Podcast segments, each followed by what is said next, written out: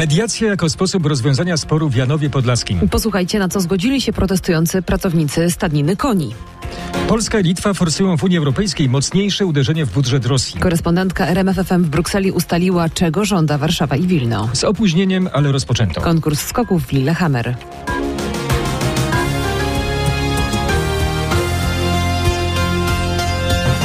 Wybraliśmy drogę mediacji, powiedzieli protestujący pracownicy stadniny koni w Janowie Podlaskim po zakończeniu rozmów z przedstawicielami Krajowego Ośrodka Wsparcia Rolnictwa. Jak już informowaliśmy w faktach, nie zgadzają się oni z powołaniem nowej prezes Hanny Sztuki i od wczoraj blokują wjazd na teren stadniny. W faktach Maciej Sztykiel.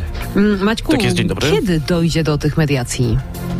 No w czwartek strony wracają do rozmów, oznajmiła rzeczniczka KOWR-u Dominika Walczak, stojąc w towarzystwie przedstawicieli stadniny, bo po rozmowach wydano wspólne oświadczenie. Wtedy ustalimy wszystkie najważniejsze Tak, tak. elementy. Tutaj wysłuchaliśmy oczywiście stron, strona nas wysłuchała, także w czwartek wracamy do rozmów. E, mówiliście, że proces e, będzie Tak, proces kontynuowany. będzie kontynuowany, Będzie nie kontynuowany do poddajemy tych się. rozmów, Tak? Miejmy nadzieję tylko, że w czwartek już się dogadamy po prostu.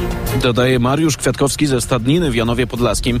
Protest jest kontynuowany, to oznacza, że nowo powołana prezes nadal nie będzie miała wstępu na teren Stadniny. Brama będzie strzeżona przez protestujących pracowników dzień i noc. E, Przypomnę, nie wyobrażają sobie oni współpracy z nowo powołaną prezes Hanną Sztuką. Uznają ją za postać kontrowersyjną, dla której najważniejszy ma być własny interes, a nie dobro Stadniny i zwierząt. Chcą zmiany więc tej nominacji. Z Janowa Maciej Sztykiel.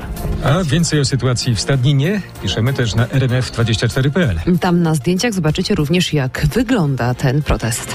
Jutro zapadnie kolejna unijna decyzja, która uderzy w budżet Rosji.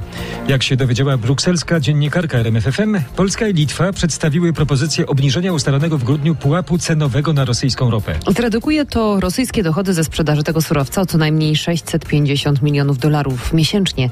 W grudniu Unia Europejska po długich negocjacjach zdecydowała, że rosyjska ropa transportowana do krajów spoza Unii drogą morską nie może być wyższa niż 60 dolarów za baryłkę. W Brukseli jest Katarzyna Szymańska-Borginą.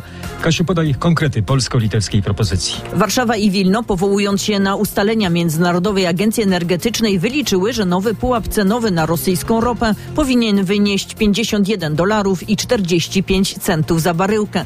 Jeżeli propozycja Polski i Litwy zostanie przyjęta, to Rosja straci prawie 10 dolarów na baryłce. Polscy dyplomaci argumentują, że zgodnie z regulacjami sankcyjnymi w połowie marca powinna nastąpić automatyczna rewizja pułapu cenowego na rosyjską ropę, czyli dostosowanie go do ceny rynkowej i obniżenie o 5%.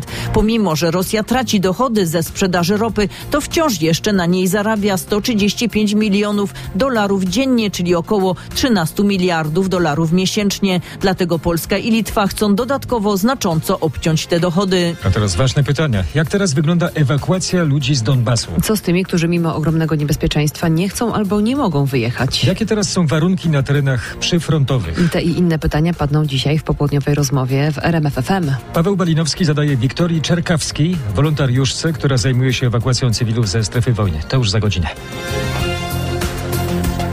Lillehammer udało się rozpocząć konkurs Pucharu Świata w skokach narciarskich. Z powodu silnego wiatru mamy 20-minutowe opóźnienie, ale trwa pierwsza seria. E, Patryk Cerwański w faktach z nami ponownie. witamy. Patryku, sytuacja z wiatrem się ustabilizowała?